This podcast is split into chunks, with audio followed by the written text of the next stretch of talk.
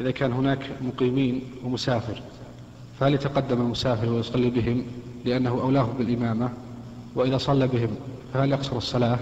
مع العلم أنه قد يحصل تشويش عليهم لأن أكثرهم عامة أو طلاب مدرسة مثلا. إذا كان أقرأهم وليس فيه إمام راتب فهو أولى بإمامة.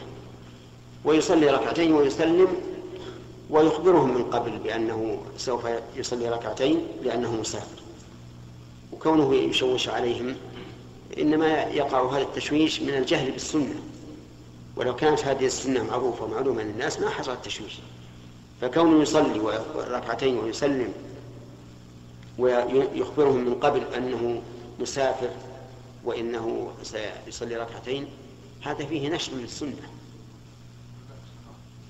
آه، ولو كانوا طلابا صغارا إذا كانوا طلابا صغارا وخشي أن يفهموا شيئا آخر فلا بأس أن يقول للمقيم صلي أنت.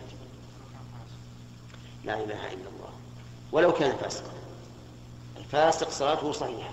ومن كانت صلاته صحيحة فإنه تصح إمامته. نعم.